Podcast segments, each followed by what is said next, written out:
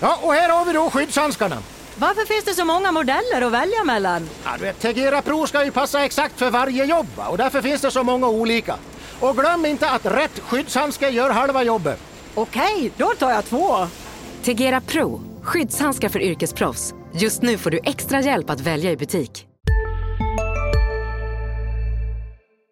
Välkomna tillbaka, Sanne och Svensson med poddavsnitt nummer. Ja, nummer 11 blir det och det förknippar jag ganska mycket med eh, Glenn Glenna Johansson i Södertälje. Oj, vilken, vilken legend du plockar upp redan sådär första.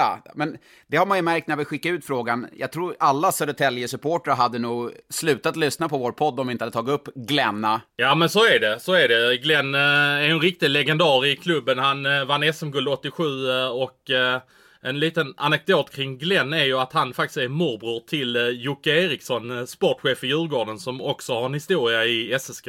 Kanske där Joakim Eriksson fick sitt spelsinne ifrån, för är det någonting Glenna var känd för var det ju spelsinnet och sina fina handleder. Men fortsätter på nummer 11, en som också hade fina handleder var ju Magnus Kanberg i Frölunda, och ja, Brynäs för den delen också. Ja, han eh, kom väl fram där med Joel Lundqvist och Jari Tolsa som först hette väl Dagiskedjan, men det blev Dragkedjan sen va? Ja, de var bra där ett, ett tag tillsammans. Och sen, det var väl eh, Kanberg, Tolsa var ju bra också, men eh, Kanberg och Joel fick väl de finaste karriärerna får man väl ändå säga. En annan riktig lirare finns i Kristianstad och jag hade väl aldrig varit välkommen till Kristianstad om jag inte hade nämnt Fredrik Hansson som är lagkapten i Kristianstad. En gång i tiden var han assistkung i J20 Superelit. Jag tror han har rekordet för flest assist på en säsong i Superelit. Du hittar de där, de där namnen som inte jag riktigt känner till. Du hittar de där, eh, men en, en namn som i modokretsar, Ulf Nubben Norberg. Eh, då tänker man kanske på Kent Nubben Norberg, men Kent fick ärva eh, smeknamnet Nubben från Ulf Nubben Norberg, bara en sån sak. Ja, den storyn har jag faktiskt hört eh, Nubben säga i en annan podcast faktiskt. Så har vi också Pavel Skrbek, den stabilaste backen kanske i, i Luleå genom tiderna. Eh, nej, inte riktigt, men han var, han var tuff att möta, Pavel Skrbek. Han var väl en vända i Mora också när Mora var riktigt bra. Ja, och då var Skerbek nästan på sitt allra, allra, allra bästa. Han var riktigt bra den säsongen i Mora. Ja, eh, från Skerbek så är ju inte steget långt, eller det är det väl kanske, till Daniel Alfredsson, men det måste vi plocka upp i nummer 11. Eh, har ju tröjan uppe i taket i Ottawa, en av de största svenska spelarna genom tiderna. Ja, han var magisk Alfredsson. När han gjorde debut i landslaget, jag tror det var till, eller VM-debut kan det ha varit i Globen 95, så spelade han väl med nummer 24 om jag inte minns helt fel va? Ja, och den Jofa-hjälmen som han hade utan visir, det är, det är eh, avdelningen ostukat som man säger i hockey. Det var inte speciellt snyggt, men då, då var det kanske det. Och en annan 11 som börjar med en annan siffra som börjar med nummer 16 i sin A-lagskarriär var Joakim Nygård, eh, den raketsnabba forwarden som numera finns i Edmonton men har tröja nummer 10 där. Men det var ju nummer 11 vi förknippar honom med i Färjestad.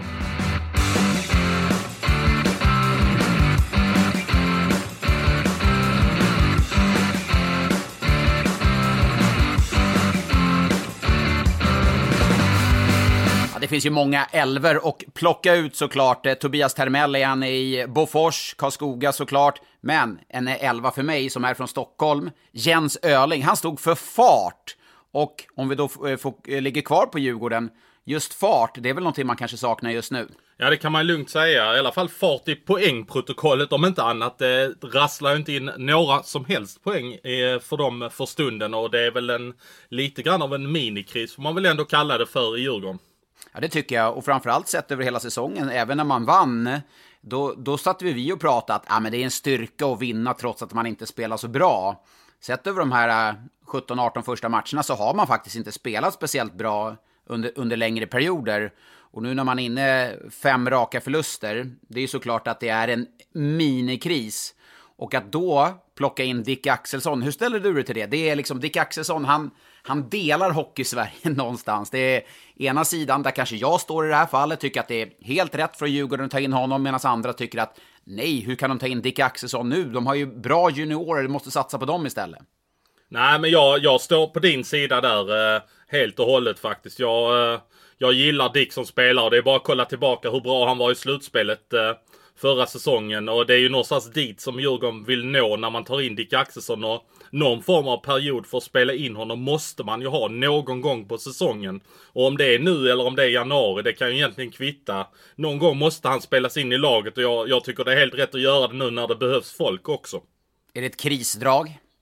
Nej, jag skulle inte säga ett krisdrag alls faktiskt. För att eh, de har ändå varit ganska öppna med att Dick eh, ska in i laget. Sen är det klart att det blir lite grann av ett krisdrag att man plockar in honom så här pass tidigt som man ändå gör. Att, uh, att han knappt har fått träna, har han ens fått träna med laget utan han kastades bara rakt in i hetluften här mot Linköping. Noll träningar, och... noll träningar med laget och såklart att Dick Axelsson inte hade spelat om inte Mikael Haga hade blivit skadad, Sebastian Strandberg blivit skadad, då hade inte Dick Axelsson spelat mot Linköping i lördags.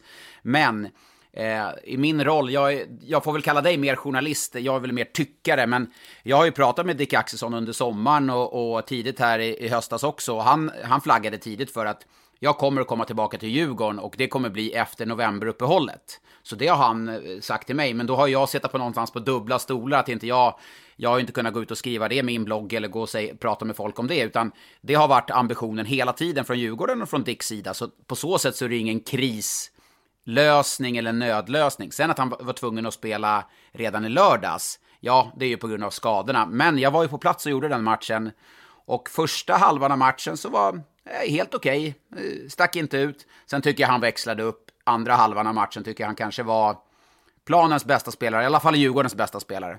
Det var lite förvånande sådär att du säger det för att eh, jag, jag såg ju faktiskt bara just den där första halvan som du pratar om för att jag låg och väntade på matchen på mitt hotellrum i Örebro så tänkte jag, ja men jag sätter igång eh, Simons eh, huvudsändning. Och så såg jag då hal första halvan av matchen och då var det ju lite grann dit som man tänkte att det skulle se ut för Dick att det var väl inte något wow av det överhuvudtaget. Men eh, sen när jag kom till Örebro och, eh, eller när jag kom till arenan i Örebro så så fick jag ju läsa att Dick Axelsson hade varit den bästa forwarden i Djurgården och jag blev lite förvånad att det var så att, uh, att han faktiskt uh, checkade in så pass hårt där och uh, gjorde avtryck. Men jag är inte förvånad på något sätt för att han, även om han, han har ju hållit igång själv, det är ju såklart inte lagträning, inte lika hårt på något sätt, den här tajmingen och känslan, eller inte känslan, tajmingen ska jag säga saknas. Men det är någonstans man vet med Dick Axelsson att han kan spela ett par, tre, fyra matcher på ren inspiration, alltså vara var ruggigt fokuserad, laddad. Sen när andra saker kommer, eh, vi, liksom, du blir lite tröttare i kroppen, det blir tätare med matcher, då är det såklart att hans fysiska status inte är det som, är, som andra Djurgårdsspelare är som har tränat med lag under hela sommaren och på is här. Men att han skulle göra bra igår och att han kommer göra bra även på torsdag och även på lördag, det, det finns inga tvivel från min sida. Men finns det ingen risk att om de spelar honom för mycket här i början att det kommer lite grann ett bakslag? Så att man absolut inte får spela honom för mycket här i början. Att det finns risk för att det blir skador då. I och med att han kanske inte är fulltränad. Ja, men så är det ju. Och det var nog tanken igår också. Jag pratade med Joakim Eriksson, då, sportchefen som jag intervjuade i periodpausen där mellan Linköping och Djurgården. Och när vi pratade lite innan så sa han det att ja, man får ju matcha in honom lite försiktigt för att vi vill ju inte heller att han ska dra på sig en sträckning eller någon överbelastning, någon form av skada, för att vi har för mycket skador just nu. Sen såg jag i början av matchen också, då matchade man in backen Robin Norell ibland tidigt i bytena så att Dick skulle ta lite kortare byten för att komma in i det. Men sen ju längre matchen led, när Robert Olsson då kände att ja, men Dick Axelsson, han är så pass bra och vi behöver, alltså vi, Djurgården, behöver göra mål. Då hade han inget val, då var han tvungen att matcha Axelsson. Sen är han en smart spelare också. Han läser spelet bra, han åker inte, alltså det säger jag med en positiv andemening, att han åker inte mer skridskor än man behöver göra. Han kan vänta ut situationer och läsa spelet med sin rutin och spelförståelse. Så att, eh, Sen är det alltid att dra rubriker kring Dick Axelsson. Det klickas ju och det läses och det, folk ser på det. Det vet jag på Simor och Expressen också. Eh, så jag tycker liksom att folk drog väldigt stora slutsatser av att Oj, Djurgården plockar in Dick Axelsson! Oj, det är kris, det är kris! Nej, absolut inte. De behövde en spelare och Dick Axelsson fanns redo. Men om vi ska vara eh, rent konkreta kring Djurgården. De måste ju ta sig ur den minikris de befinner sig och eh, det hjälpte ju inte att slänga in Dick Axelsson i laget igår när Linköping bombade in en massa powerplaymål. Eh, hur ska de ta sig ur det? Det är väl mer det som är den stora frågan i Djurgården just nu. Nej, men om vi bara stannar upp just där med att man släppte in fyra mål och eh, tre var väl officiellt i eh, powerplay, men jag säger att alla fyra var det för att, eh, jag tror det var Linus Hultström som var utvisad på tredje målet. Han satte precis skridskon på isen när Linköping gjorde mål, så då får jag vilja säga att det var väl trots allt på något sätt han, eh, att det var fyra powerplay-mål. Där bara kan jag bara känna att jag, Stefan Nyman, backtränaren, som in, inte fick jätte jättemycket. Oh, men han fick väl ändå cred får vi väl säga ändå under åren. Ja, ja, men det fick, jo, det fick han ju. Jo, det fick han. Men för den breda massan så när man säger Stefan Nyman, Stefan vem? Stefan Nyman. Men Stefan Nyman var då backtränare i Djurgården och hade hand om det defensiva spelet. Jag tror att avsaknad av han, som lämnade då för Lugano i den schweiziska ligan, jag tror att det är jätte, jättestort och ett enormt avbräck. Dels eh, Stefans person, han är ganska jag ska inte säga trubbig, men han är hård. Jag tror han är, han är kravställande. Och sen är det ingen, som, det är ingen som sätter sig på Stefan Nyman eller någon av de andra tränarna när han är i rummet. Så Stefan Nyman har eh, varit chef i omklädningsrummet tror du? Eller hur har det varit när Nyman har varit där? Eftersom han ändå är en ganska hård person och en riktig ledartyp. Jag, han är rätt, jag tycker, min uppfattning är att Stefan Nyman är väldigt prestigelös. Det har aldrig funnits något tvivel om att det är Robert Olsson som har varit huvudtränare, det är Robert Olsson som har styrt. Men Robert, Robban då är ju också den moderna ledaren, får man ändå säga, som, som delar med sig av ansvar, att alla tränarna ska känna sig delaktiga. Så Stefan Nyman har ju haft boxplay, defensiven, det, är han som, det har ju legat på hans bord och har gjort det, gjort det bra under de här åren i Djurgården och, och många backar har ju tagit väldigt, väldigt stora kliv. Så att jag tror att avsaknaden av Nyman, är, den är stor, väldigt stor i Djurgården. Är det en slump då att till exempel Marcus Högström som, som kanske inte har sin bästa säsong, vi har ju sett Högström vara kanske SHLs absolut bästa back. Och på den nivån är han ju knappt nära att vara ens nu. Kan det bero på en så, om man får säga enkel sak som att Stefan Nyman är borta som backtränare i Djurgården? Det, jag skulle, ja, absolut. Eh, om man skulle generalisera och hårdra så skulle man kunna säga att eh, den största anledningen till att Marcus Högström, i det här fallet som du nämner, inte spelar på den nivån som han gjorde när han lämnade Djurgården, är Stefan Nyman. För att Stefan Nyman hade aldrig tillåtit Marcus Högström och spel, vända bort en kille jättefint, spela upp pucken jättefint och sen ställa sig still på skridskon och inte vara delaktig i spelet.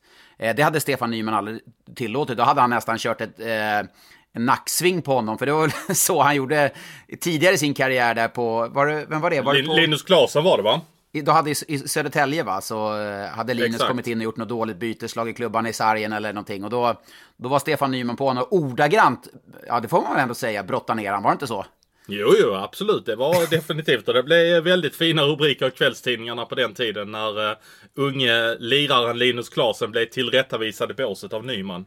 Den hade man nästan velat att om Road Laker hade funnits eh, i, i sin skepnad på den tiden och göra en GIF på den hade väl varit väldigt kul. Road Laker som härjar på Twitter som ni kanske känner till. Ja, han eh, skickar ju ut alla möjliga roliga saker som händer som ingen annan, knappt så tv-tittarna hinner upptäcka det. Jag förstår inte hur han snappar upp allting. Men det, det, kan, det kan ägna ett helt poddavsnitt åt Road senare, men inte nu. Nu fokus, lägger vi kvar lite där vid Stefan Nyman.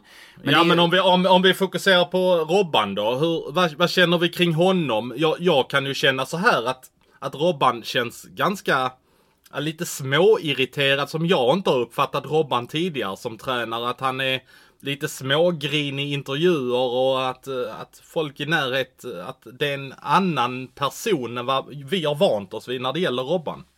Pressad. Jag tror att han är pressad. Jag får precis som du uppfattning av att han är lite, lite lättirriterad, eh, lite, lite småbutter, lite, lite mer arg än tidigare. Robban är ju en tränare som jag i alla fall har fått uppfattningen om, sprider mycket energi, glädje omkring sig. Men med, med det sagt, väldigt kravställande. Bara för att Stefan Nyman nu inte är kvar så betyder det inte att det inte är något krav i Djurgården. Tvärtom, Robert Olsson är den som har, när han kom in i Djurgården så, så gick ju kraven från, från ett till ett annan nivå som var bra mycket högre när han kom från Frölunda med träningsattityd, träningsvilja och sådana saker.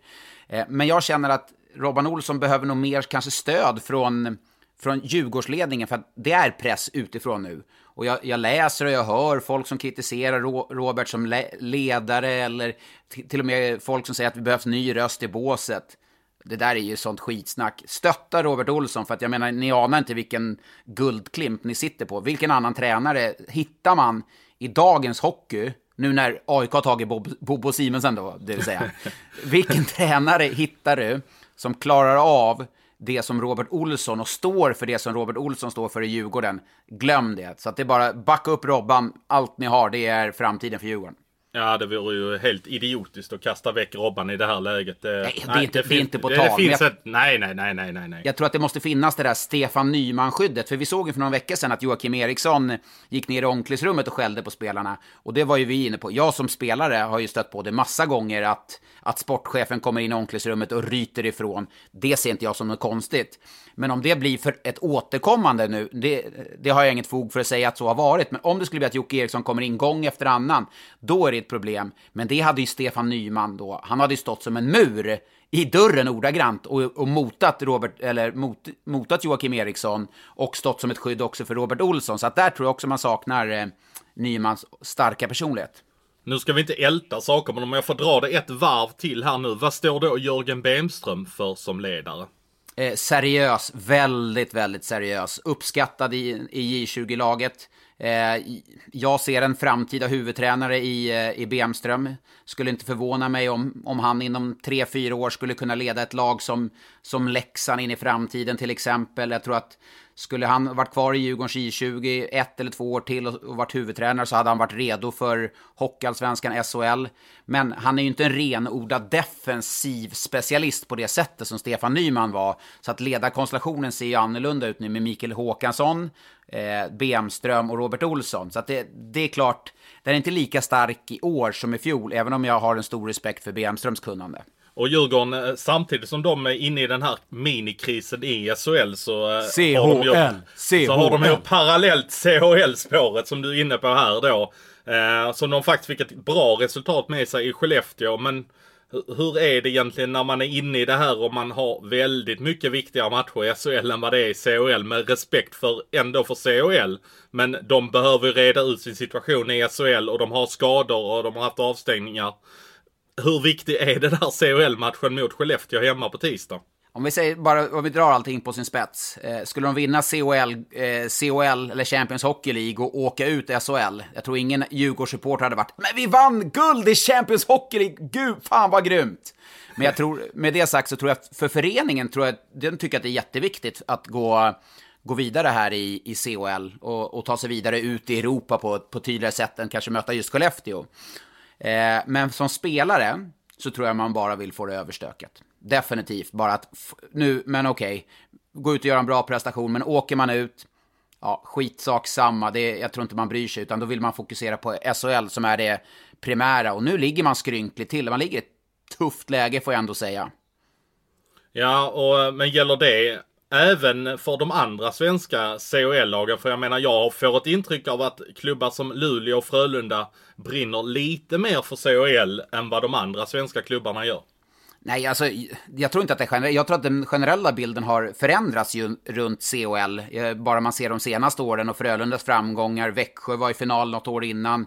Eh, ser man då i fjol på finalen isolerat när Frölunda mötte München, det kanske är en av de bästa matcherna, hockeymatcherna eh, i, under hela fjolårssäsongen. Och ser man också på det som jag tycker nu är roligt, just att se tv-produktionen, antal kameror. Alltså det var ju en tv-produktion som var så enormt påkostad och det var kameror och det var alltså personal, liksom alla tänkbara personer var där och jobbade för att göra en bra pro produktion. Så att CHL har ju höjt sig i den statusen. Men jag tror att ligger du skrynkligt till i SHL, så som spelare, så är bara ett CHL ett nödvändigt ont. Men som Frölunda, Luleå och Färjestad som är högre upp i tabellen, eh, om vi nu bara kollar på de lagen, tror de satsa stenhårt. Det blir en härlig match på, på tisdag då mellan eh, Frölunda och Färjestad, där Färjestad har tre mål att gå på mot Frölunda. Det, den ser jag fram emot. Det blev ju nästan en liten förlust för Färjestad. De hade en 5-0-ledning men det utmynnade till slut i en 6-3-seger och det är ju ändå fullt möjligt för Frölunda att hämta igen det. Fem mål hade väl blivit kanske lite tufft va? Ja, och åka ner till Frölunda, alltså vilket lag som helst och förlora med 4-1 eller något så här, det är ju egentligen inget, det är inget konstigt. Det, det händer, så att eh, det, den är vidöppen den historien, definitivt. Så det, det, ska bli, det ska bli jäkligt roligt att se faktiskt. Jag trodde man inte att man skulle säga om CHL eh, när det bara är åttondelar. Det ska bli jäkligt roligt att se. det är CHL-feber, det är CHL-feber. Nej, men vi gillar ju att se hockey. Det är väl det, är väl det framförallt, att det, det bjuds på en rolig hockey. Det är lite mer generellt, även när svenska lag möts, så är det lite mer öppet. Men lagen som ligger i toppen, det är klart att de kan fokusera lite mer, satsa mer på, på COL. Nästa match är inte riktigt på liv och död om man nu får dra det så hårt som det är kanske för Djurgården och ändå till viss del för Skellefteå som också befinner sig i en negativ spiral. Men man får ofta, när man jobbar inom media, så får man ofta, då säger ni, ni bara pratar om Djurgården, ni bara pratar om Djurgården hela tiden. Och jag försöker alltid säga, nej det gör vi inte. Men nu, nu har det gått ganska många minuter, så låt oss flytta bort från Djurgården ett tag. Eller, eh, och fokusera lite kanske på um, Linköping då, då som, som Djurgården ändå mötte. Som nu alltså har fyra raka segrar och... Eh, beror det kan... på powerplay eller? Nej, vet du vad det beror på?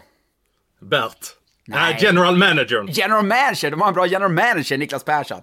Nej, men de, de har fått ihop laget eh, på ett annat sätt nu eh, när man har dels eh, fått lite lugn och ro, fått träna lite och framförallt powerplay. Spelet 5 mot 5 tycker jag inte, det är lite bättre kanske än vad det var när man förlorade eh, den där räckan med matcher. Men det är framförallt powerplay och boxplay som gör att man har tagit de här fyra raka segrarna. Men innebär detta att räddningsplankorna är slut för Leksand och eh, Oskarshamn nu när Linköping går så bra? För jag menar Växjö också studsar ganska högt i tabellen nu.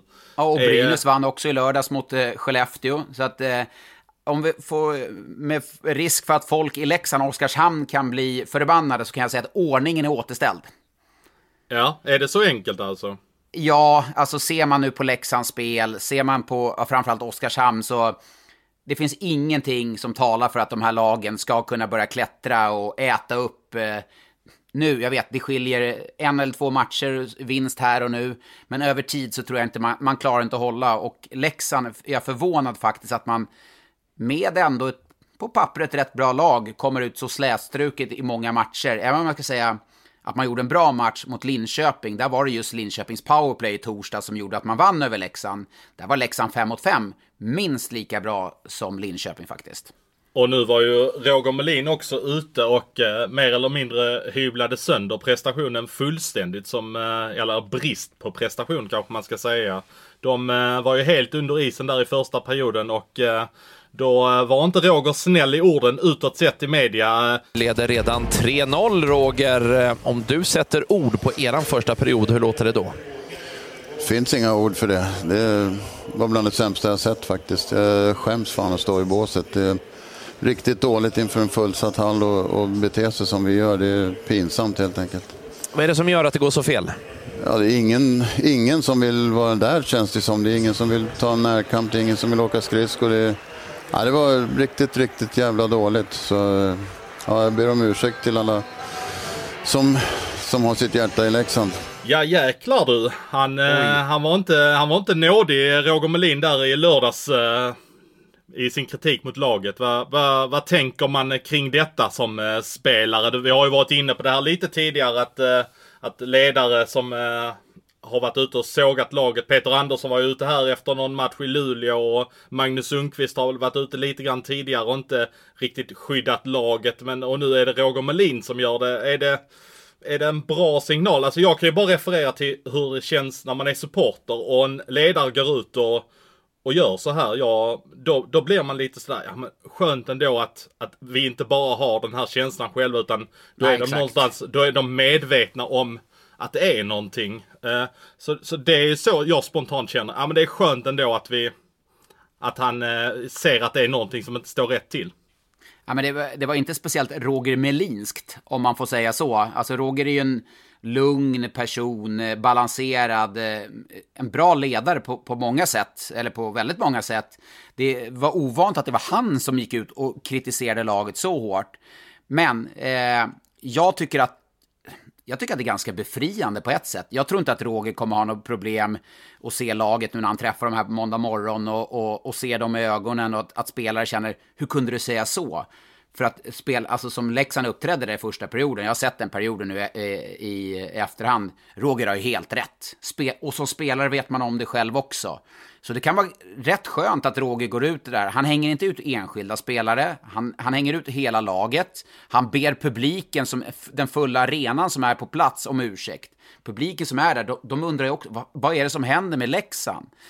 Eh, men klart, skulle det ske på torsdag, på lördag, på tisdag, på torsdag, på lördag, att han, det är flera gånger, att han gör det ett par, tre gånger, då tror jag man, då har man stora problem och då kommer han tappa såklart enorm respekt från gruppen också. Eh, men att han gör det i en match efter en period där, det, jag tycker att det var på något sätt ganska befriande, men ovant Roger. Ja, men det är väl givetvis så att han absolut inte kommer göra det, utan det blir ju någon form av markering. Någon gång får det vara nog. Och eh, då var det väl ett bra läge att göra det när man halkar efter på det sättet som man gör mot HV här i lördags.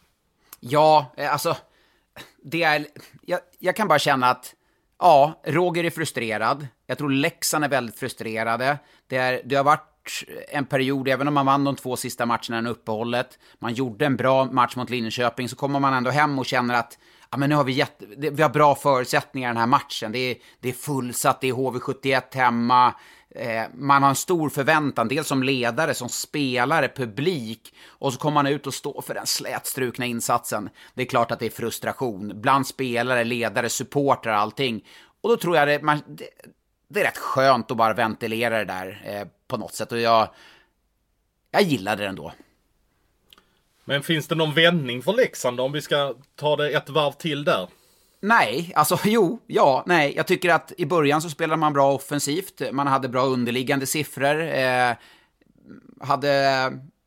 Man släppte ändå in mycket mål, mycket chanser. Vi satt ju något podd, poddavsnitt och sa det är lugnt Leksand, bara man gör, gör mindre misstag, sa jag. Nej, du... det var du som sa att det var ja, lugnt. Jag, vet, jag, jag sa inte det. att det var lugnt. Nej, jag, jag sa det. Men då upplevde jag att det var så. Nu ser jag mer att det är Alltså etablerade spelare som inte kommer upp i den nivån som de ska göra. Många und eller underpresterar sett till förväntningar. Eh, och jag tror faktiskt inte att man har ett bättre lag än just den här bottenplaceringen som, som man har just nu. Och det handlar om att vara bättre än Modo, Björklöven, Karlskoga eller vilka det nu blir i ett kval framåt april. Ja, och det är någonstans en rimlig förväntan på ett lag som ändå är byggt till stor grund av eh, allsvenska spelare som man ändå får med sig in på kontrakt i ett SHL-lag. Att, att man får sikta på att hålla sig kvar första året. Om det då blir kval så får det väl vara så. Ja, och de har ju ingen räddningsplanka nu heller. Man, ett, inför säsongen så trodde man ju att ja, men Örebro, de kommer vara där nere. Det, det är kanske ett lag som Leksand kan kan krångla sig förbi sett över 52 matcher. Men du som var i Örebro i lördags, eh, du kan väl intyga att eh, Örebro är inte det, det laget som man kommer klättra sig förbi här in på uh, sluttampen på SHL va? Nej, verkligen inte. Alltså frågan är om man, om man blir lite lurad i Örebro eller om det, om det går så fruktansvärt fort när, det, när de spelar. Men det kan ju vara att man blir lurad för man sitter ju extremt nära. Det är som, det är som Ängelholm där. Det är ju, de, de arenorna är ju underbara när man sitter så, så tätt inpå, så kompakt arena, fullsatt, bra tryck. Men jag håller med, jag har gjort ett par matcher där i Örebro och, och jag har bara varit så här. Oj, oj, oj, vilken hockey de spelar, vad snabbt det går. Sen när man ser, ser den på video eller på, i efterhand matcherna så, okej, okay, det är fortfarande bra, men inte på den nivån som man upplevde när man var på plats.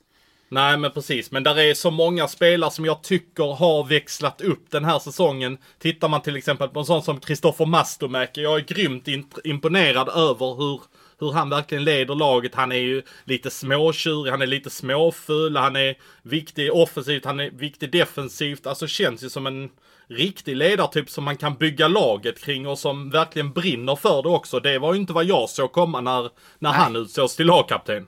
Nej, hade, hade vi ställt eh, 10 000 kronors frågan till hockeysupporterna i Sverige, vem är lagkapten i Örebro?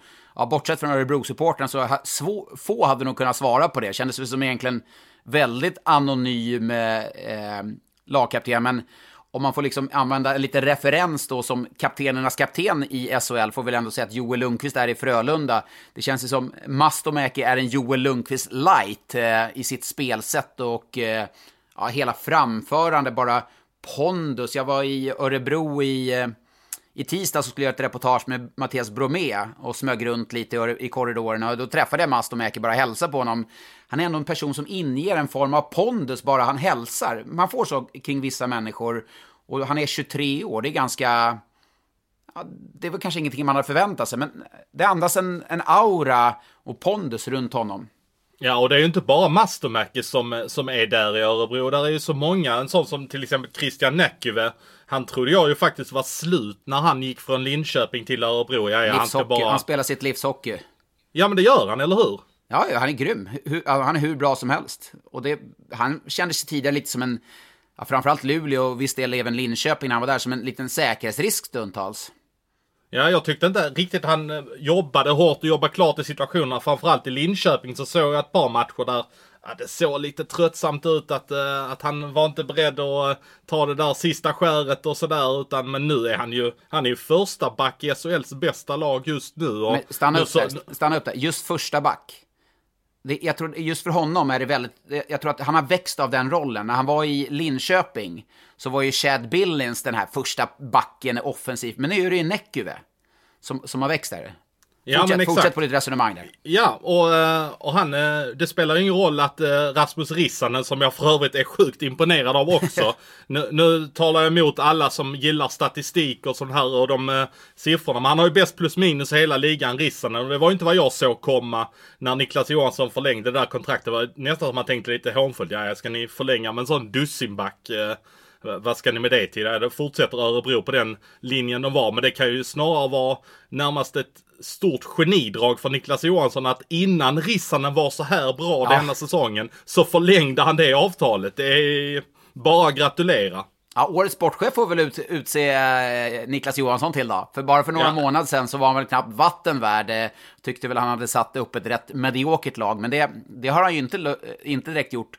Och, och, det intressanta är nu, framtiden för ett lag som Örebro eller Rögle, hockeykartan på något sätt, känns det inte som den ritas om lite? Att nu är det helt plötsligt spelare var som har utgående kontrakt. Alla lag vill ha svenska spelare och har fått svenska spelare med utgående kontrakt och signa för Örebro tidigare.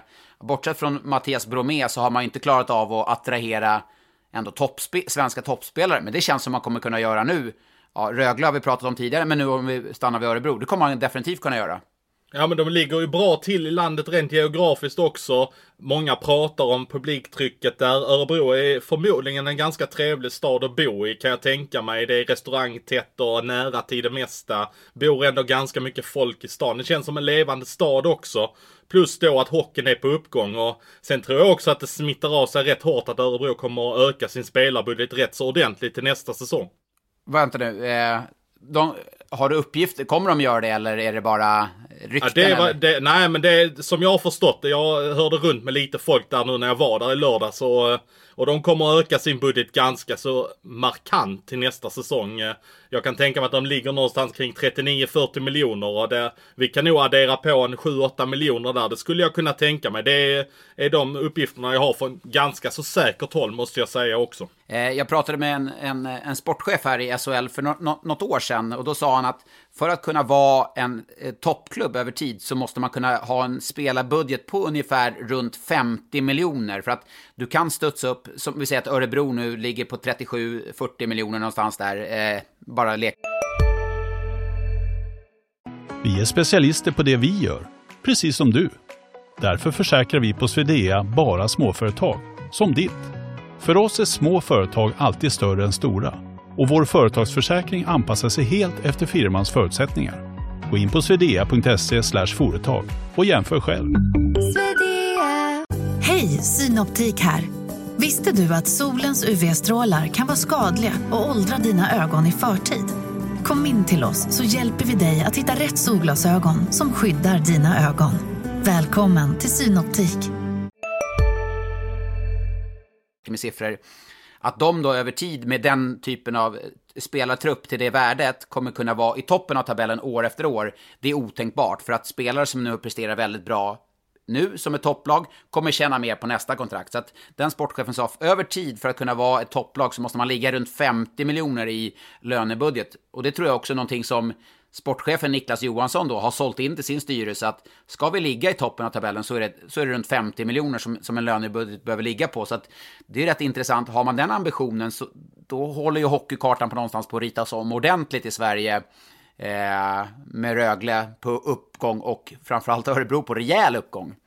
Ja, och när vi pratar om pengarna på runt 50 miljoner, då tror jag inte att det är några som kanske snuddar vid det lite grann. Men det är ju inte jättemånga som är där uppe. Men det är ju ändå sådana som konsekvent är topplag. Till exempel Frölunda, till exempel Färjestad. Jag säger inte att de har 50 miljoner eller mer, men de är ändå högt upp och slår i det taket ganska så ordentligt skulle jag kunna tänka mig. Och eh, det är ju ändå någonstans de som, som är där uppe varje år, år efter år. Det är de vi räknar med Ja, nej men det, och vi pratade om eh, Robin Kovacs där förra veckan som, eh, som eh, sägs vara klar, för vi ska inte dra det igen, det känner alla till. Men Kovacs har ju svarat upp då i Luleå och i CHL, eh, ruggigt bra var han mot eh, Bern. Och svarat för två starka matcher här mot eh, Djurgården och mot Oskarshamn. Så det är väl skönt, vi, vi var väl lite sådär, oj vad händer med Robin Kovacs nu om han inte presterar? Men det har han i alla fall gjort de här tre första matcherna eh, sen det varit känt med Örebro. Bara en reflektion där när vi pratar Kovacs lite snabbt. Eh, när han gjorde mål för Luleå så blev det en diskussion mellan dina kollegor i studion där. Eller det blev kanske inte diskussion, de höll väl med varandra rätt så bra. Att han, eh, han gjorde någonting med AIK-märket där på Hovet när han spelar för Luleå mot eh, Djurgården. Eh, vad va, va signalerar det att man gör så? Inte ett skit. Vadå, han åker förbi och tar på AIK-märke. Alla vet att Robin Kovacs är AIK-spelare. Det känns mm. som att så här, nu ska vi jaga Robin Kovacs och allt han gör, liksom, tagga ner lite. Det, nu, nu är Petter och Johan Thornberg bra vänner och, och kollegor till mig.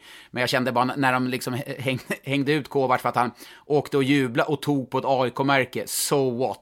Alltså, eh, nu kanske Luleå-publiken har vänt Kovacs ryggen lite, men jag tror ingen i Luleå var, om det nu inte hade uppdagats här med Örebro, att Åh, Robin Kovacs tog på AIK-märket när han mötte Djurgården borta. Oj, nej, han spelar i Luleå. Nej, men lägg ner liksom. Nej, men det, det är ju vida känt att han är AIK. Han har en stor AIK-tatuering på bröstet också. Så att det, det, är klart att han gjorde det bara för att provocera Djurgården mer, skulle jag säga. Ja, och någonstans är det ju så här. Ja, vi saknar profiler, vi saknar känslor i SHL. Blir man uppretad av det och tycker det är jätte... Nej, nej. Och blev Djurgårdarna mer irriterade på det? Ja, det är mycket möjligt. Och spiller det över att det kanske blir mer intresse, känslor kring matchen? Ja, då är väl det bara bra. Jag tror ingen Luleå-supporter var så här, nej, Robin Kovacs tog på AIK-märket, lägg ner. Nej, de, de har nog större problem med Robin Kovacs än så. Men du, på tal om Luleå.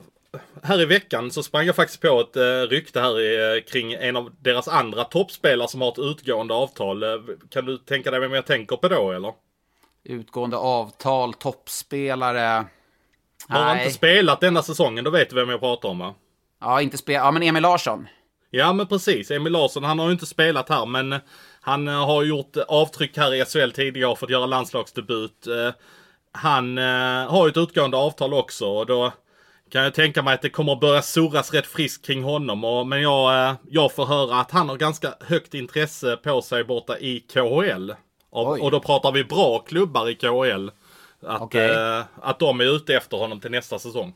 Oj, ja. Det, ja, det är ju klart att när man pratar KL så, och, och det är skillnad på toppklubbar, bra lag kontra kanske de här mindre eh, eh, attraktiva lagen. Och är det en sån klubb som visar intresse för, för en spelare som Emil Larsson, då har jag svårt att se att spelare tackar nej. Och det är bara att höra nu vad en sån som Mikael Wikstrand eller de här toppspelarna i, i KL säger om sina ryska klubbar, Anton Lander eh, med flera. Det, de behandlas ju nästintill som NHL-stjärnor och så att, ja, det vore ett eh, enormt tungt slag för Luleå såklart, men svårt att stoppa också.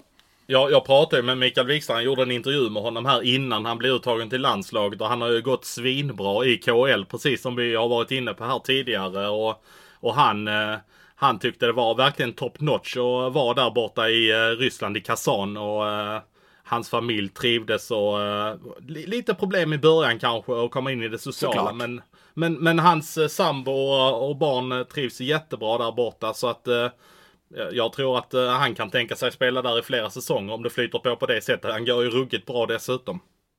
Ja, från Mikael Wikstrand så är hoppet till Mora, ja, känslomässigt inte så, så långt i alla fall från Mikael Wikstrand, men rent sportsligt så är det ju väldigt långt. Mora är alltså ett bottenlag i Hockeyallsvenskan. Och på onsdag möter man alltså AIK, ett annat, ja, det, är inte, det är inte bara bottenlag, det är krislag såklart. Eh, eh, och då pratar vi inte minikris. Nej, där, nej, det är liksom inte som i, i Djurgården där det är lite, här är det lite minikris. I AIK är det ju liksom en bottenlös kris får vi väl ändå säga. Det kan man verkligen säga och eh, under söndagen så presenterar de ju, ja håll i er nu om ni inte har läst detta, Bobo Simensen som ny huvudtränare. Hans senaste uppdrag var i Hockeyettan med Tyresö Hanviken. Vad signalerar detta egentligen? Gammal är äldst att ett AIK-hjärta betyder väldigt mycket och att Bobo Simensen kanske kan komma in och riva igång. Bobo är ju en... Alltså jag gillar ju Bobo på alla sätt. Han är en känslomänniska. What you see is what you get, som det så fint heter. Alltså han, han är ju väldigt engagerad, men i det här läget, alltså är det... Jag vet inte, det bara kändes så här. Jag skrev ju en, en krönika tidigt på söndag morgon och befarade att, eh, att oj, det kan ju vara Bobo Simensen. Eller inte att det kan vara Bobo Simensen, men oj, tar de in en, en gammal stofil? Nej, det är fel väg att gå. Och så kommer då Bobo Simensen. Jag vart så här, va? Bobo? Oj, ska de ta in honom? Ja, och man var tvungen att gå in i Elite Prospects-profilen och, tänka, och tänka vad har han gjort egentligen de senaste åren? Men alltså 17-18 var han i Tyresö, Hanviken, som man då hade tagit upp från tvåan till Hockeyettan. Får du också så här mail från Elite Prospects, veckomail där man får de mest klickade spelarna, eller? Jo, men det får jag nog varje vecka ja, och de lägger den, ut på Twitter den här veckan, också. Den här veckan kommer att vara mest klickade, Bobo Simensen. det trodde man inte när man vaknade upp alltså. Bobo Simensen är mest klickade på Elite Prospect. Nej, men, men, men, helt ärligt, de förlorar alltså 8-1 och Jussi Salu som då blev bortplockad som huvudtränare. Han har väl inte fått sparken eller hur det nu blev. Det här är väl ett sätt att göra ja. det lite snyggare, att man bara petar undan honom. Men han ska vara någon form av assisterande tränare här nu till uh, Bobo Simensen och han var ju nästan till gråtfärdig. Det var ju nästan ja, det... smärtsamt att se honom i den där intervjun i Umeå. Ja, alltså, och Jussi Salo, han lägger ju in sin själ såklart i, i AIK och får försöka vända den här trenden och han stångar sig, inte ordagrant, men nästintill blodig. Eh, och det är klart att, alltså, och, få se det raset återigen, nionde raka förlusten och bara och Lars Lindberg då som gjorde intervjun på Simon känner du att du når ut till spelarna? Och jag bara, hjälp Jussi, ta honom härifrån, ge honom en kram, vad som helst ja, det var nästan smärtsamt att se. Ja, och, alltså jag kände också lite grann med Lars i det läget. Han vill ju genomföra en bra intervju. Jag refererar lite grann till en intervju jag gjorde eh, 2015 med eh, Mattias Persson i Malmö efter att de hade förlorat sin tredje match i eh, slutspelsserien. Och ja, i stort sett var borträknad. Det var tidernas säsong. Man hade världens chans att gå upp i SHL och Alltså han var så grötfärdig och den intervjun var hemsk att göra med honom. Alltså för man visste inte vad man skulle fråga honom och nu löste de det ändå på något underligt sätt. Eh. Men eh, alltså han var så borta då så att det, ja, det, var, det var ruggigt obekvämt att göra den intervjun med honom då. Ja, nej, och hockey, eller idrotten kan ju vara helt underbar, men den kan ju vara smärtsam och grym också. och Det var det i det här fallet. Eh, Salo, jag känner honom inte, men säkert en jättebra människa som... Eh, ja, men han har inte... Alltså, han är klart han inte har lyckats i AIK. Eh, det är inget på något sätt ett... Det ska inte vara ett bottenlag. Eh, och han vet ju också att, eh, att det är ett, ett misslyckande, men med personen här som vi har pratat lite tidigare, personen bakom prestationen, det gjorde ju ont att se Jusso, eller Jussi, så i den intervjun. Ett annat lag som tidigare den här säsongen gjorde sig av med sin tränare och då gjorde de sig av med honom helt och hållet var ju Södertälje där de gjorde sig av med Uffe Lundberg och de har inte bara gjort sig av med Uffe Lundberg utan de har ju plockat in spelare på löpande band. Nu var det Justin Poggi som är klar för Södertälje och eh, nu har de ju stärkt upp laget och i princip byggt ett halvt nytt lag i SSK. Eh, och det har ju faktiskt gett resultat, i alla fall en placering upp i tabellen, så de är ju tolva nu. Men vilket bankvalv har Mikael Samuelsson sprängt? Är det sitt eget eh, sparande från eh, åren i Detroit eh, och San Jose och New York Rangers eller Vancouver? Vad, vad får ju Södertälje alla pengar ifrån? Ja, det, är ju, det har jag faktiskt sett att fans också har undrat och jag såg att deras eh, supporterordförande Mikaela Gustafsson också eh, verkar vara ute och undra vad, vad är det som händer? Det är ingen som riktigt begriper någonting. Och det signalerar ju någonting att, att supportordföranden inte riktigt begriper vad som händer. En supportordförande ska ju ändå vara ganska insatt och, eh, och det har jag fått uppfattning av att hon har varit tidigare och väldigt välunderrättad och haft koll på grejer. Men det verkar som att det är någon, någonting som körs här nu. Att de, de bara ska lösa De bara lyfter in Andreas Hjelm och har plockat in andra spelare på löpande band. Och så Poggi nu, det är ju inte direkt gratis. Och tittar man på publiken på hemmamatcher så Nej, det, nej, det har man ju sett att det är, nej, nej, det är ingen som riktigt begriper var pengarna kommer ifrån. Men ja, någonstans Och- och- måste det ju finansieras. Och så har man ju också, man sitter ju fortfarande och betalar eh, eh, Ola Lundberg pengar. Eh, fortfarande lön till Nej, honom. vänta, vänta, vänta, vänta. Du sa Ola Lundberg. Nej. Ulf Lundberg. Men du vet, det här är det sjukaste. Hur kan en Ulf Lundberg är ju alltså son till Ola Lundberg. Ja. Jag kommer aldrig lära mig det här. För att det, det finns väl aldrig i världshistorien eh, som en, som en son har hetit Ulf och en pappa Ola. Känns inte Ulf som att man är äldre än en Ola? Ja men ritas inte det om med namnen lite grann? Att eh, namn som var eh, moderna för 60 år sedan blir moderna nu igen och så Ja, vice kan- versa. Ja, ja, ja, ja, jag, jag har svårt att lära mig det. Men Ulf är sonen till Ola då? Ja, ja Ulf är son till Ola ja. Ja, det är, nej, men det är helt... Eh, ja, ja, strunt sak samma. Men när, när Ulf då var tränare så fanns ju inte de här pengarna eller kanske eh, framtidstron eller var det att Micke, Samuel, Micke Samuelssons driv eh, inte var där för Södertälje på det sättet. Kanske han som har kontaktat sponsorer med den... Han är ju en jättehärlig person och en man verkligen respekterar. Det är kanske han som har gått och dragit in pengar att vi behöver ert stöd nu. Så kan det ju definitivt vara. Micke Samuelsson har ju verkligen gått in och tagit en, en stor roll i Södertälje och är ju så kallat sportsligt ansvarig numera. Han sitter ju i styrelsen och har blivit eftersom de varken sak, eh, de saknar ju både klubbdirektör och sportchef som vi har varit inne på tidigare. Jag ringde faktiskt upp Micke Samuelsson Ja, vänta nu, här. eh, vänta nu. Mikael Samuelsson, Mr Madwalk, 1-0. Ja, det kan man ju lugnt säga att Ja, eh, det var. eh, Knockout-seger. Ja, du, verkligen. du messade ju mig där i, i lördags och ganska tidigt och sa att Sanne, eller du skrev inte Sanne, du sa Vad tror du om Justin Pogge till Sö- Södertälje? Mitt svar, otänkbart. För jag tänkte Ja. att det, det har man inte råd med. Och, Justin en- vi har ju spekulerat tidigare om han skulle till Växjö som, och då sa jag att det vore en perfekt målvakt för Växjö att få in. Vilket betyder att det är ändå den kalibern vi pratar om. Men då sa du, nej, jag har fått det från väldigt säkra källor, sa du. Men jag måste dubbelkolla med Micke Samuelsson och sen kan väl du ta vid. Vad hände sen? Ja, och eh, jag ringde Micke Samuelsson och, eh, och han eh, alltså totalförnekade.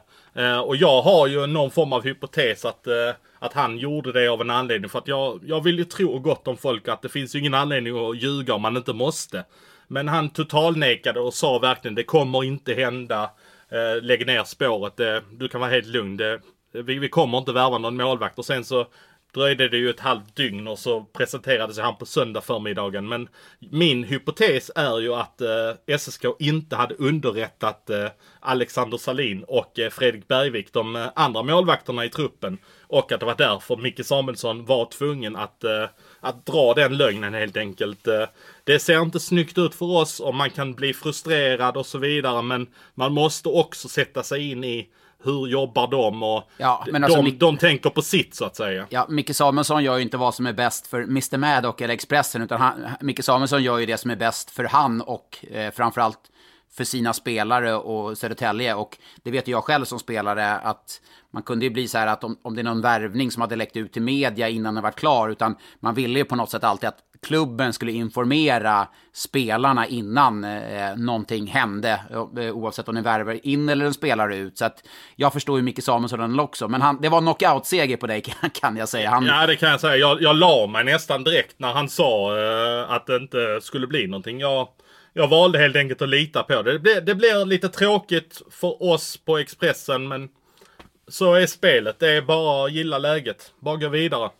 Ja, nej, men jag tycker ändå att, eh, som, eh, jag tycker att Micke Samuelsson har gjort ett bra jobb. Eh, Ja, nu har han ju såklart peng, pengar att röra sig vid, men jag tycker tidigare så, när han har uttalat sig i media, framförallt då i lokaltidningar i Södertälje där, så tycker jag han har varit väldigt ärlig, väldigt öppen med att saker inte har Har, varit har bra. också fått det intrycket att, att, han, att han har varit väldigt bra att göra med. Jag messade lite med Micke här efter att detta hände och, och frågade lite grann vad som, vad som hade hänt och sådär. Men han, han sa att det inte var helt klart på lördagen och då, då, då får jag väl helt enkelt lita på det.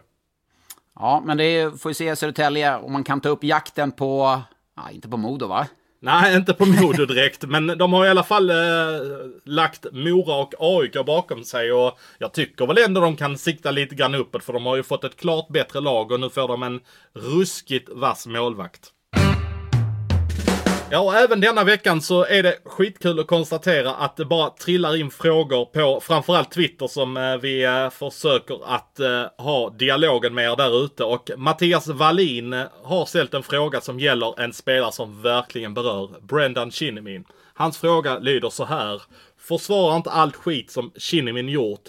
Men ni kan ta upp domarnas vendetta mot honom. Spelar ingen roll vad motståndaren gör så får han aldrig med sig en utvisning. Det är horribelt att detta får ske match efter match. Och då ska vi säga det att i lördagens match mot eh, Färjestad så hade Kinnimin ett friläge där eh, Johan Ryno var på honom och drog ner honom. Eh, där han inte fick någonting med sig. Eh, så att jag, jag har sett lite reaktioner från Växjöfolk på att detta händer och att det är kanske anledningen till att frågan kommer här och nu. Eh, ja, eh, och jag eh, håller med till viss del att Kinnemin har svårare att få med sig eh, utvisningar. Eh, jag har sett spelare göra saker på honom, eh, framförallt framför mål eller runt mål, rätt fula grejer.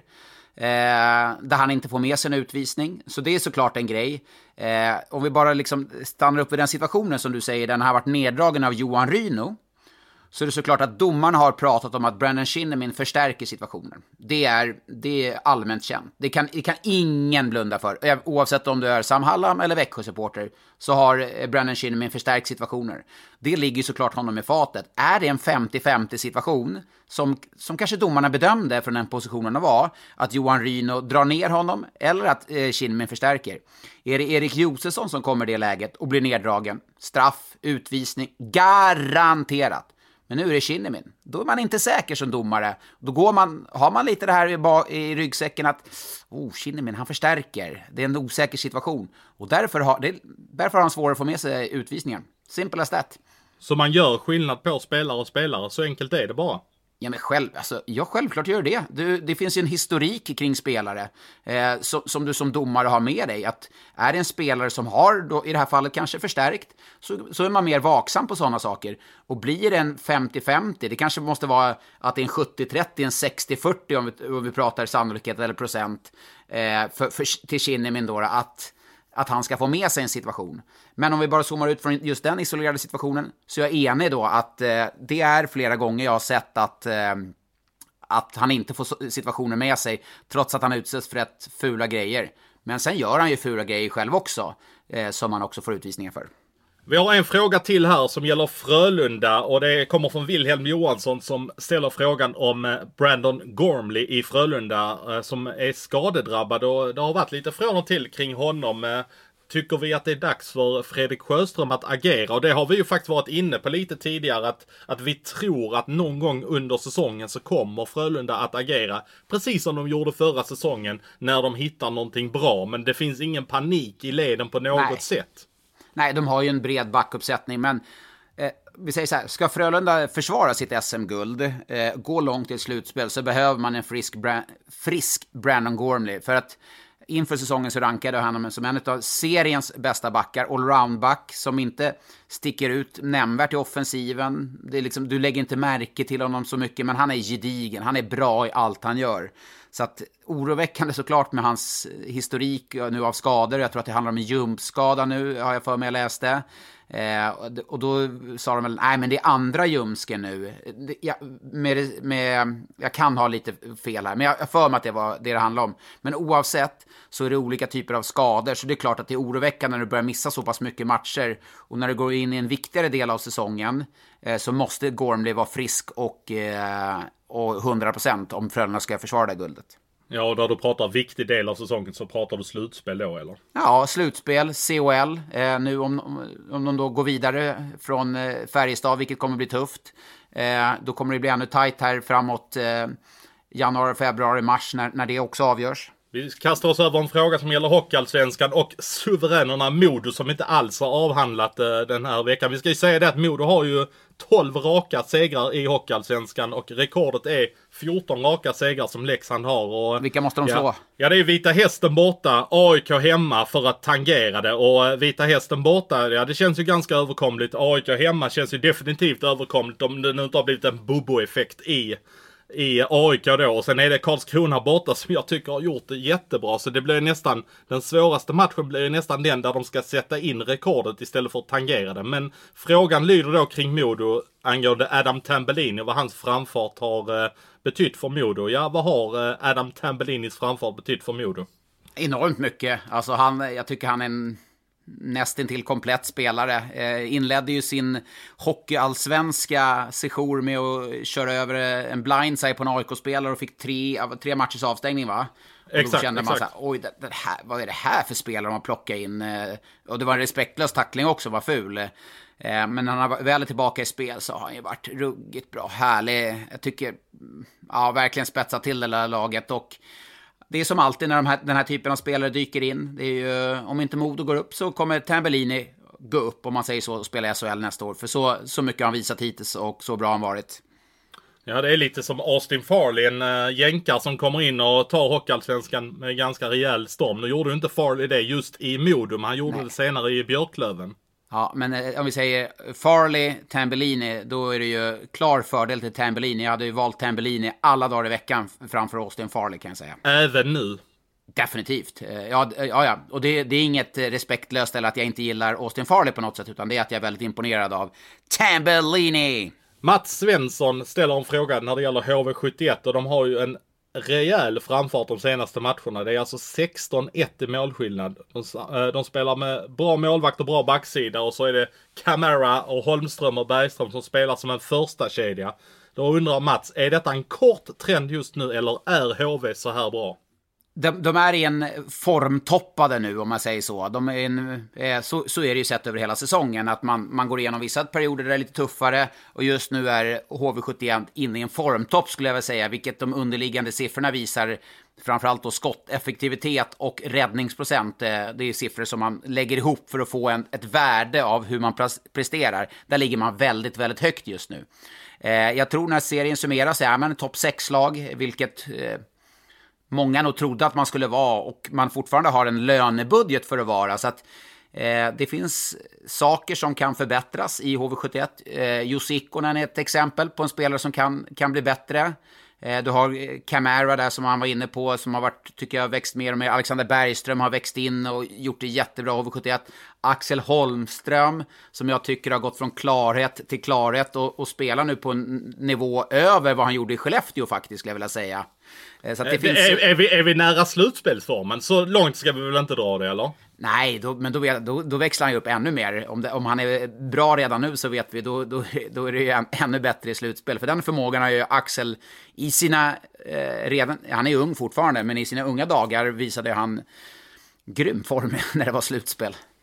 Ja, det var ett tag sedan. Hoppas för Målvakt. Att han når dit. Och målvakten, Jonas Gunnarsson, två raka nollor. Ja, det är klubbrekord, eller tangerat klubbrekord. Tan, tangerat klubbrekord. Så att, eh, nej, men det är klart. Och backsidan har vi varit inne på, den är jättebra. Så att HV71, eh, topp 6, absolut. Ja, men jag tar gräver ner mig lite i mailkorgen också. Sanni Svensson i ett ord snabel Expressen.se. Eh, där har eh, Oskar Hedberg, som är en Färjestadssupporter från Stockholm, är han väldigt noga med att påpeka här. Och han ställer frågan till Sanni troligen. Om en spelare byter lag under säsongen och kommer till ett nytt SHL-lag, alltså typ i likhet med Emil Molin som gick från Bryn Malmö till Brynäs mitt under säsongen. Tar man då inte med sig spelsystem och dylikt och kan läcka till den nya klubben?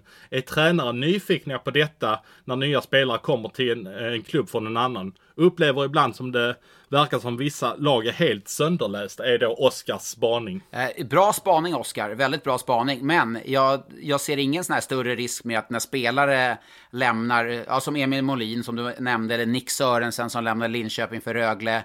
För 15 år sedan, absolut, när möjligheten för scouting av motståndarlaget inte var så enkelt eller så flexibelt eller lättillgängligt som det är idag.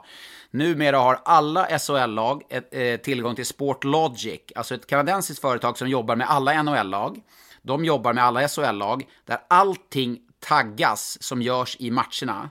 Eh, via video, via sån, ja, det är ju sån hög teknologi och AI och allt eh, rörelsemönster som registrerar allting som sker på isen.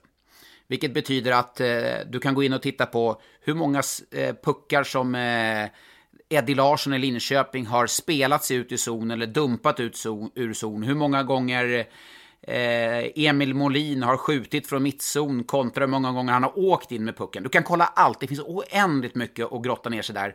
Och den tillgängligheten fanns inte för ja, bara för ett par, tre år sedan, men framförallt för 10-15 år sedan när alla matcher inte ens visades på TV. Men samtidigt så gäller det ju ändå att kunna veta olika grejer i lagen. Man kan ju inte läsa sönder ett helt lag på ett, det här programmet. För då får man ju sitta både dag och natt och ha tio heltidsanställda personer som läser igenom vad lagen gör. Jag pratade faktiskt med just Emil Molin efter att eh, han hade mött Malmö med eh, Brynäs. Och eh, han, eh, de kom ju en kontring där och då, då menar ju Emil på att den kontringen kom då för att han visste om att Malmös backar pitchade rätt så hårt så att de kunde komma i en två mot etta. Där han då senare spelade över, jag tror det var till Sallinen om jag inte minns helt fel. Mm, som då kunde få, ett, kunde få ett öppet mål. Så att någonstans så har ju Emil Molin i färskt minne vad Malmös backar vill göra i anfall. Absolut, och det är ju en specifik detalj, men eh, det är klart att Brynäs hade, även om Emil Molin var det, så, så vet Brynäs eh, mycket väl att Malmös backar pinchar ändå, på samma sätt som att Linköping i, i lördags visste att Djurgårdens backar pinchade när jag var på den matchen. Men det är klart, vissa detaljer är såklart, men det är inget som fäller avgörande. Men sen finns det andra detaljer, kanske så här att den här spelaren har svårt att backa till höger. Jag har mött honom på träningen väldigt många gånger. Eller Emil Molins fan, Oskar Alsenfelt. När jag drar lite till vänster och snabbt till höger, då får han svårt. Sådana detaljer eh, ser du inte på det videoprogrammet, men då är du kanske inne rent specifika. Om du drar ännu steg längre, när det blir slutspel, när du ska in under skinnet på vissa spelare, då kanske du har ännu mer info såklart. Du ska du in under skinnet på mig nu, eller är det det du ska? Ja, du ser på mig att nu äh, jäklar, nu, äh, nu är det dags. Jag, jag har väl en ledning här. Ja, det har du. Men eh, bara Lars Lindberg, kollega på Simor, Lena Sundqvist, kollega på Simor, tog det på fem poäng förra veckan, Mattias Bromé. Min ja, mamma tog det på fyra poäng. Bara som en, eh, bara så att du vet. Ja, okej. Okay. Men jag, den jag ska ta på dig nu, jag testade på min sambo. Eh, på din innan, katt? Ja, inte på min katt nej, men på min sambo. Eh, och eh, hon eh, tog det på två poäng, så skamgränsen går ju definitivt där. Okej, okay, ja, då sätter du nästan ännu mer press på mig. Ja, ja shoot. men på två poäng tar du det, det är inga problem. Sluta. Ja. ja, men är du beredd då? Ja, jag är redo. Papper och penna. Min gamla eh, lärare Ann-Margret Palm från lågstadiet har ringt också till mig och väldigt oroväcke, eh, oroad över min handstil. Så jag får träna den nu, för det är hon som har lagt grunden för den. Så att, eh, vi ska få se om det blir bättre nu. Du har gnällt på den. Ja, absolut. Men vi, vi kör igång. Du är beredd och jag ser hur redo du är. Du ser ruggigt taggad och man ser precis som uh, du anklagar mig för svettpärlorna i pannan där. Så ja, men, vi kör. Man borde, man borde ha pulsklocka på sig nu. ja, nu kör vi. Nu slutar vi hålla på och dividera om det. I den lilla orten Lammhult, mer känd för möbler och isterband, där är veckans Elite Prospect-spelare född. Moderklubben är Alvesta SK. Jag, jag, kan inte gå på fem. Jag, jag, kan en spelare från Alvesta och det, det, det är för enkelt. Shoot, fortsätt. Ja, då tar vi fyra poäng. Ja. SHL-klubbar. Veckans spelare har representerat Frölunda och Malmö, men bara i kortare sammanhang. Denna säsongen spelar han för en annan SHL-klubb. Den är alltså på fyra poäng? Jajamän. Den är ganska tuff. Ja, Nej, det är inte... fyra poäng är tufft. Ja, det var bra att jag inte gissade på fem poäng. Ja, för jag anar åt vad du skulle gissa där. Men Exakt. Ja, vi, tar, vi, tar, tar nummer tre. Det är någonting helt annat än hockeyspelandet som gjort honom mest känd för den breda massan. Hans nuvarande klubb har ju inte den bästa formen om vi säger så. SHL-debuten skedde så sent som 28-åring. Han spelar en annan SHL-klubb. Han spelar alltså, en annan SHL-klubb just nu, ja. Men han, hade han gjort kortare sessioner med Malmö och Frölunda i SHL? Jajamän. Du, uh, du fastnar här. Jag vill, ju, jag vill ju ta den på trean. ja, för du vill kvittera mot mig. Ja, exakt. Ja. Ja, men jag... eh, Nej, nej, jag klarar Nej, du får fortsätta. Ja, okej. Nu är vi alltså nere på eh, sambonivå här alltså. Ja, det här är jobbigt. Den här måste Ja. vara riktigt enkel nu. Men då säger jag som så här. Du minns ju vad jag sa där att det är någonting helt annat än hockeyspelande som gjort honom känd för den breda massan. Då inledde jag eh, ledtråd på tvåan så här. Har det blivit någon bingo för dig än? För veckans spelare som representerar IK Oskarshamn så blir det bingo eller miljonutdelning. Kalla det vad du vill. Ja, jag har, jag har ett svar här. Jag visar. Jajamän, och jag ser, och det var ju snyggt du skrev också. Versaler Tack. på eh, förnamnet och eh, eh, versal i början på efternamnet. Jag, tänk, jag tänkte bara där. skriva förnamnet med tanke på att det är ett... Han därifrån! Jajamän. Ja, men Ja. vi tar ettan också, för jag tror de, jag skulle tippa på att nästan alla som lyssnar på det har eh, listat ut vem det var. Men vi tar det. Hans namn finns i HV71 med nummer 34 på tröjan. Han heter Jesper i förnamn. Ja, jag syftar på Oskarshamns ena målvakt och inte Fredrik Pettersson Wenzel. Vem syftar jag på? Tex, Bingo, Lotto, miljonären Williamson. Jajamän. Det var det.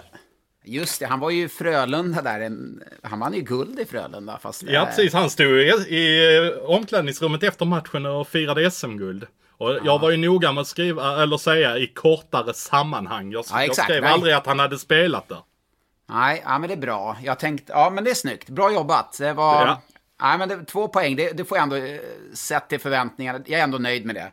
Ja, jag tror att jag var lite, jag var lite hårdare mot än vad du var mot mig förra veckan. Eh, det känns Mm, som att du, 5-4. du, du, du förtjänar 5-4. faktiskt en, en lätt nästa gång jag, jag tar det. 5-4 ledning till eh, Johan Mr Madhawk Svensson. Får väl fortsatt titulera dig expert, men eh, ja.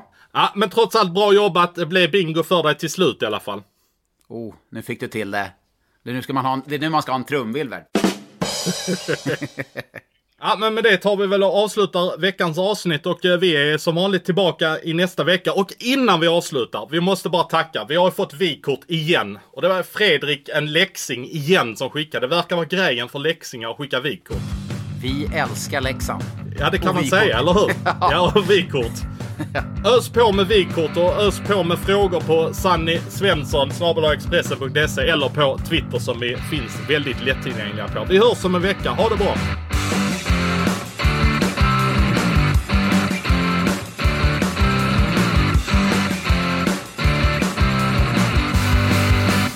Du har lyssnat på en podcast från Expressen. Ansvarig utgivare är Klas Granström. På Sveriges största jackpot-kasino går hypermiljonen på högvarv. Från Malmö i söder till Kiruna i norr har hypermiljonen genererat över 130 miljoner exklusivt till våra spelare.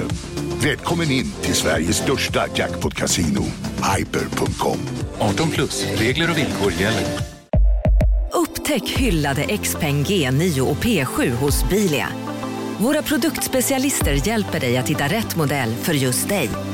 Boka din provkörning på bilia.se xpeng redan idag. Välkommen till Bilia, din specialist på XPeng.